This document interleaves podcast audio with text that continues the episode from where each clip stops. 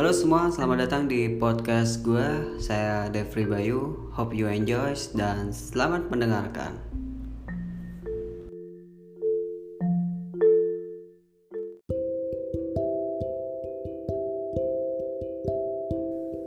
Selamat pagi, selamat siang, sore atau malam, tergantung kondisi kapan Anda mendengarkan podcast ini. Ini adalah podcast pertama gue dan sekaligus mungkin podcast yang terakhir karena gue di sini hanya mencoba bagaimana alur kerja dari pembuatan podcast itu. Dan gue memang tipikal orang yang selalu mencoba ya gitu ya. Walaupun sebentar semua media sosial yang pernah booming mulai zaman Facebook, Friendster, Snapchat, TikTok, Tinder bahkan Bigo ya. E, pengalaman mencoba berbagai media sosial itu cukup penting buat gue dan podcast juga salah satu media yang menarik untuk dicoba. Dengan catatan di podcast kali ini gue tidak menggunakan mic dalam merekam suara jadi gue ngerekam suara ini langsung dari handphone gue. Maka mohon maklumlah kalau suara gak jenis-jenis amat lah ya. Oke, podcast ini berjudul pengalaman keuangan di usia 23 tahun. Di sini gue akan sharing pengalaman dan pandangan gue soal keuangan. Kenapa berbagi pengalaman? Karena gue adalah orang biasa, bukan seorang profesional soal keuangan gitu bukan financial trainer yang bisa bagi tips. Gue banyak hilaf soal keuangan dan itu mungkin bisa jadi pelajaran buat pendengar. Dan kenapa gue berani ngomongin keuangan? Because gue hanya pengen agar bidang keilmuan yang gue pelajari selama masa kuliah yang mana gue jurusan akuntansi which is berkaitan dengan keuangan itu bisa bermanfaat lah ya sekali-kali terutama keuangan di usia 23 tahun nih guys. Beberapa waktu lalu, bahkan usia 23 tahun itu sempat jadi trending di Twitter. Karena kata orang-orang di usia 23 tahun itu lu bakal ngalamin fase hidup yang lumayan berat yang menguras tenaga dan pikiran lu. Kebanyakan orang di usia tersebut kata orang-orang di Twitter nih ya, lu bakal ngalamin fase di mana teman-teman lu udah mulai sedikit udah mulai ninggalin lu. Lu bakal mikir gimana kerjaan lu ke depan mau ke mana arah hidup lu. Bahkan beberapa dari lu udah mulai galau soal nikah kali ya. For me di tahun 2020 ini gue berusia 23 tahun. Dan beberapa yang orang katakan soal umur 23 itu benar dan gue ngalamin. Apalagi you know di tahun 2020 ini kita lagi kedatangan pandemi corona dengan berbagai dampaknya walaupun jujur gua masih bersyukur sekarang berada di salah satu pekerjaan yang lumayan aman menghadapi kondisi ini. Ya, gua seorang ASN. Walaupun ya ada penurunan income, tetapi tidak signifikan seperti pekerjaan yang lain. Nah, karena gue menjadi seorang ASN muda yang bekerja di Jakarta dan living cost di Jakarta sangat mahal dibanding dengan daerah-daerah Indonesia yang lain, maka gue harus melakukan adjustment atau penyesuaian tentang keuangan gue. Pertama, mindset yang gue tanamkan adalah uh, apa namanya uang yang gue keluarin harus lebih sedikit dari uang masuk ke gue. Sekali lagi, uang yang gue keluarin harus lebih sedikit dari uang masuk ke gue. Mungkin ini gampang banget dengernya ya. Tetapi dalam pelaksanaannya, lu bakal sering ngehianati hal ini. Caranya ada dua. Lu ningkatin uang masuk atau lu menekan uang keluar. Saat ini gue memilih posisi menekan uang keluar. Karena gue tahu diri saat ini kondisi gue pemasukan pemasukan gue hanya bergantung kepada salary atau gaji ASN gue tidak memiliki revenue-revenue atau penghasilan lainnya oh ya bedain ya definisi antara salary dan revenue itu jelas-jelas berbeda Kenapa gue memilih tidak memiliki revenue dulu karena ada alasan personal. Gue pribadi orang yang masih lebih condong fokus pada satu bidang juga dan bentar lagi ada aktivitas tambahan selain kerja yaitu gue akan melanjutkan pendidikan kembali. Amin. Ke depan penting bagi gue untuk planning soal memiliki revenue atau dengan kata lain bukan hanya menekan uang, menekan uang keluar saja, tetapi juga menambah income. Balik soal menekan uang keluar. Salah satu cara gua adalah uh, ketika gua beli barang, gua beli karena gua butuh dan bukan atas dasar ada sekedar diskon, promo maupun cashback. Kan ada banyak tuh orang-orang sekarang ketika dengar promo ada cashback lah ada promo lah. Dia malah tertarik untuk membelanjakan uangnya untuk membeli barang tersebut uh, daripada saving. Dan sebenarnya beberapa dari mereka yang membelanjakan duitnya itu tahu kalau itu hanya strategi marketing dari perusahaan atau toko tersebut itu yang namanya kilaf lah ya. Gua seberusaha mungkin menghindari hal-hal semacam itu. Ini mirip-mirip konsep minimalism lah ya.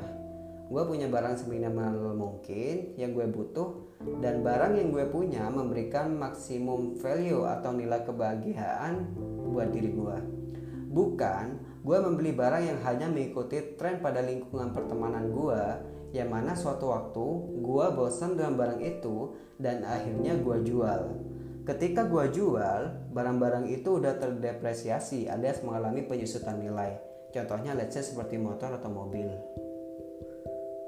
Selain itu, ketika gue beli barang, gue memikirkan cost per use-nya atau biaya yang gue keluarin tiap kali memakai barang itu. Gue lebih memilih jam tangan yang berkualitas sekalian dengan harga 3 juta tapi bisa dipakainya 5 tahun dibanding jam tangan dengan harga 1 juta tapi setelah satu tahun dipakai rusak. Jadi gue tipikal orang yang mikirin dulu kira-kira kalau beli barang ini bisa dipakai sampai kapan ya gitu. Tentunya kita we know that uh, karakter orang itu berbeda-beda. Ada yang nggak apa-apa beli barang yang mahal sekalian yang bagus sekalian nggak mau second nggak mau KW tapi belinya nanti lama ditungguin. Sedangkan ada juga yang beli kecil-kecilan beli kecil beli kecil gitu ya buat terapi seneng dan ada juga yang ditabung selanjutnya saat gue membeli barang atau membayar sesuatu, gue berusaha banget menggunakan uang cash. Kenapa? Karena ketika gue membayar menggunakan uang cash, itu jauh lebih sakit dan terasa buat ngeluarinnya dibanding gue menggunakan transaksi elektronik. That's why juga di sisi lain, gue ngebatasin uang cash termasuk petty cash gue yang ada di dompet. Kebayang gak tuh? Gue bakal sering ke ATM dan ketika gue ke ATM itu gue introspeksi diri udah berapa banyak uang yang dikeluarkan sejauh ini.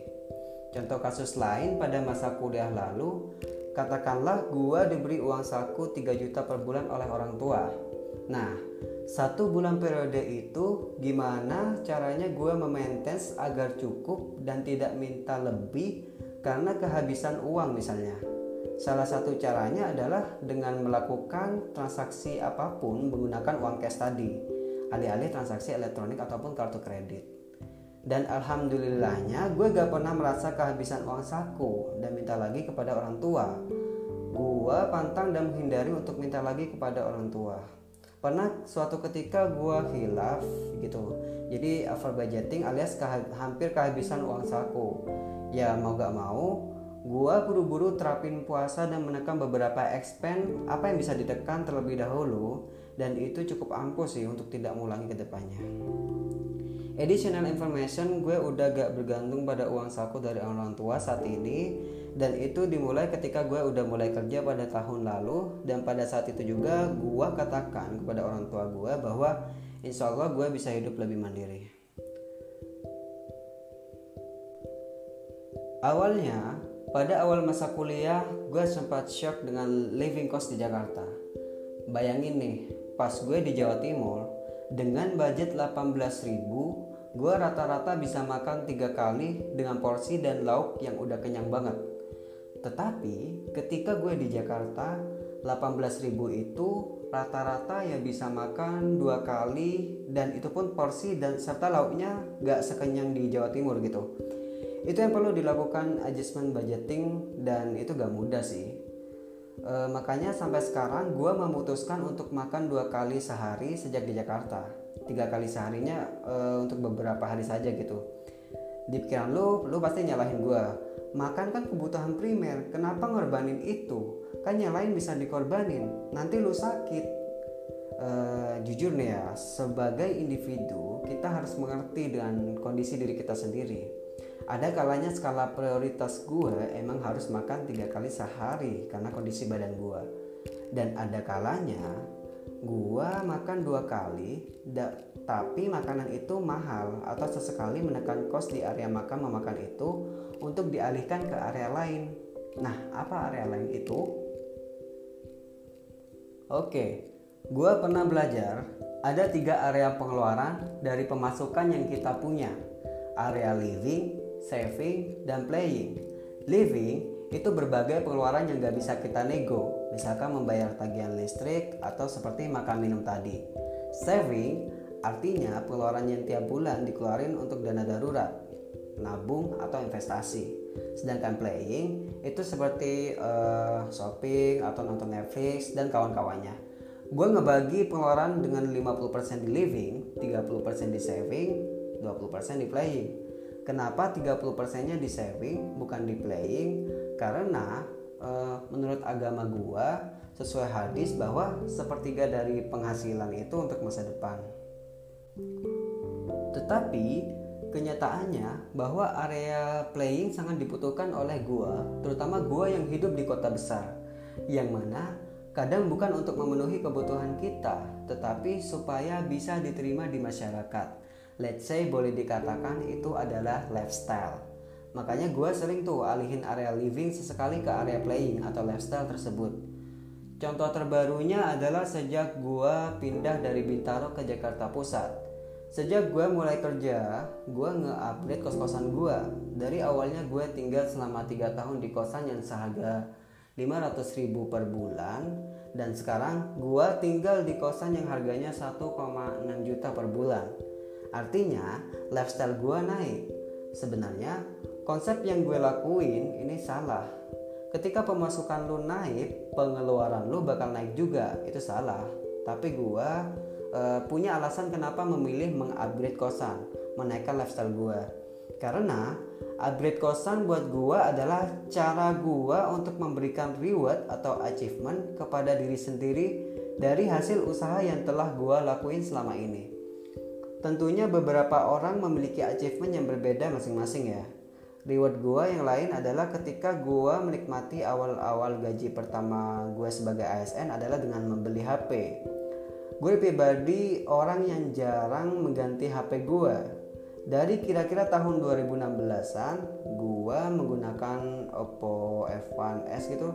Lalu baru di tahun lalu gue ganti HP gue jadi iPhone 7 jadi sekitar tiga tahunan lah ya gue baru ganti HP kayaknya ini HP juga HP ini juga bakal gue pakai jangka panjang gitu. I need my happiness. Gue sendiri yang ngerti mental sendiri. Gue diajarin yang namanya long term plan. Gue constantly secara terus menerus bikin sesuatu lalu lihat lalu terperbaiki lalu gue lama-lama makin improve tuh. Makin improve gue bikin smaller text kecil-kecilan gitu kayak puzzle tiba-tiba lama-lama diurutkan akhirnya jadi juga. Supaya apa? Supaya gue punya achievement kecil-kecilan dan selalu semangat. Gue bayangin orang yang uh, punya cita-cita jangka panjang misalkan gue ingin pensiun nanti ke depan tuh. Nah uh, di tahun kedua dia akan merasa malas gitu. Kenapa? Karena gak ada achievement Makanya gue perlu punya jangka pendek, jangka menengah, sama jangka panjang. Kenapa? Supaya ketika gue ingin dapatin yang jangka panjang, gue akan dapat semangat yang dari kecil-kecil itu. Uh, kemenangan kecil-kecil yang didapat itu untuk menuju ke kemenangan yang besar. Sekali lagi, cara gue memberikan achievement ke diri gue sendiri adalah salah satunya dengan upgrade kosan. Tapi saat ini gue sampai di titik di mana gue ingin pindah kosan dan mendowngrade lifestyle itu uh, atau menurunkan lifestyle itu. Dan benar ketika lu sudah berada di lifestyle tertentu dan ingin menurunkannya susahnya minta ampun sih emang.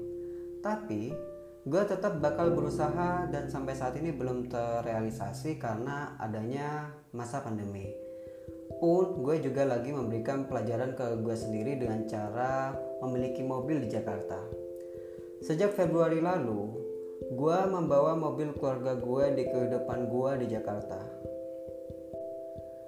Positifnya dari itu, gue sedang melakukan spending experience atau membeli pengalaman. hal yang lebih disuka generasi milenial saat ini adalah membeli pengalaman dibanding membeli barang. Bisa dikatakan milenial sekarang lebih suka menghabiskan duitnya untuk traveling bareng teman-temannya, tapi dalam spending experience gue harus tetap memperhatikan relevansinya ke gue. Dalam hal mobil ini, gue menambah pengalaman traffic gue dengan menyetir di area Jakarta ini. Namun, negatifnya dari lu punya mobil, lu bakal uh, uh, memahami bahwa ada konsekuensi yang harus terjadi saat kita punya aset yang besar. Lu punya mobil, lu bakal bayar bensin, lu bakal bayar perawatan mobil, bahkan lu harus siap dengan konsekuensi bayar pajak kendaraan. Artinya, kita bebas mau melakukan apa saja dengan uang kita, tapi kita tidak bebas dengan konsekuensinya. Mau punya mobil, konsekuensinya bayar bensin yang mahal banget mau punya kosan mewah konsekuensinya bayar bulanan meningkat. Tapi dari semua itu gue gak maksain lifestyle dengan cara berhutang karena gue masih hidup di kemampuan yang gue hasilkan. Bahkan some people mengatakan kalau bisa hidup di bawah kemampuan yang lu hasilkan supaya lu bisa bertahan lebih lama. Dan ke depan Gue harap bisa terus nerapin tidak berhutang atau tidak dihutangin. Kalaupun suatu waktu mau berhutang, gue prefer berhutang ke rumah aja karena rumah adalah aset yang tidak turun tidak turun nilainya. Beda dengan mobil. Kalau misal terpaksa mau dihutangin juga, bisa dengan cara kasih kertas ke orang itu, lu tulis di kertas, lu minjemnya buat apa, mau bayar gimana. Jadi kalau ada apa-apa ya keturunan gua juga bisa nagih ya harus tegas itu sih dan gua juga harus pinter-pinter bedain mau dihutangin atau sedekah. Karena ketika gue memutuskan memberikan hutang hak gue dong untuk menagih hal itu. Beda dengan bersedekah. Gue agak tegas soal hutang. Bayangin nih kalau gue punya aset 1 miliar utang 980 juta kekayaan bersih gue ya 20 juta gitu. Di mana-mana nilai aset lu harus lebih besar daripada nilai utangnya. Dan kalaupun lagi gue di masa depan terjebak dengan hutang maka dosen gue pernah mengatakan lu bakal ngalamin yang namanya black period.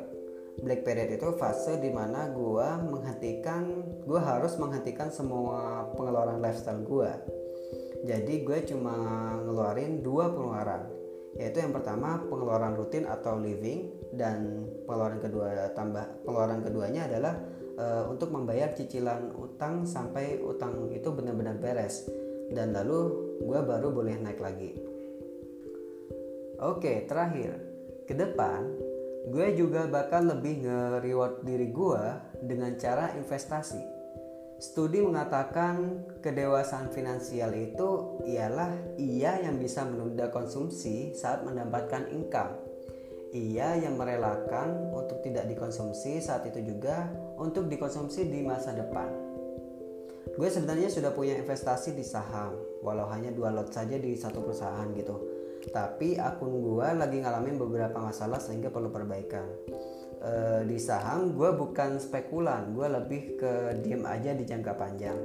Gue juga tertarik untuk mulai invest di emas namun lagi-lagi tertahan gara-gara corona. Dan tentunya buat gue investasi harus jelas tujuannya diperuntukkan untuk apa ke depan. Terakhir lagi uh, ke depan soal pasangan.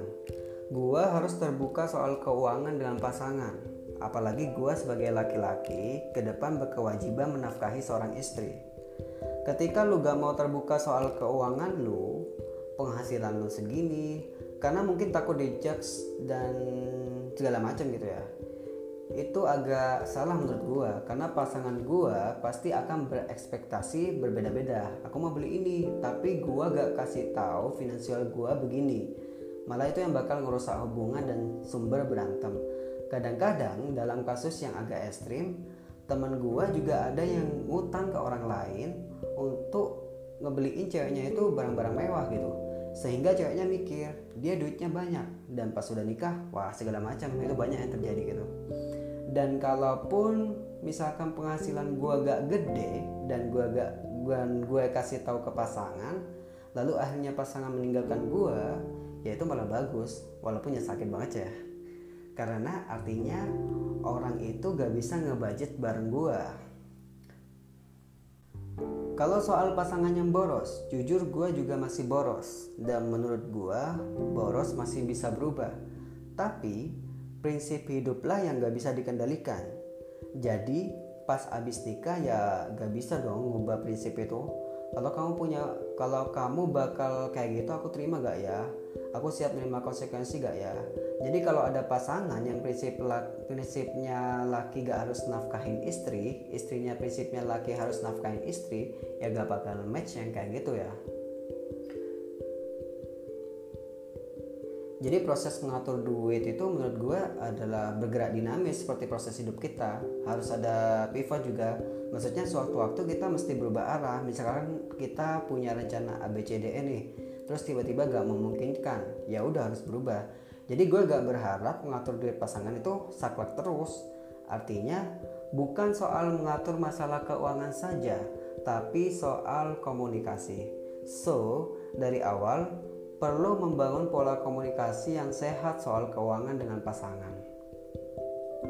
Oke, okay, in the end, gue masih berumur 23 tahun. Gue perlu banyak belajar lagi soal keuangan, bahkan mungkin dari pendengar gue yang lebih pengalaman dari gue. Bakal banyak tantangan-tantangan gak terduga yang bakal gue hadapi, So intinya mengambil keputusan keuangan memang banyak berkaitan dengan ego. Kebanyakan pakai emosi gak pakai logika. Itu yang bakal bikin berantakan. Semoga pengalaman dan pandangan-pandangan gue yang gue sampaikan di podcast ini bermanfaat buat pendengar. Terima kasih. Assalamualaikum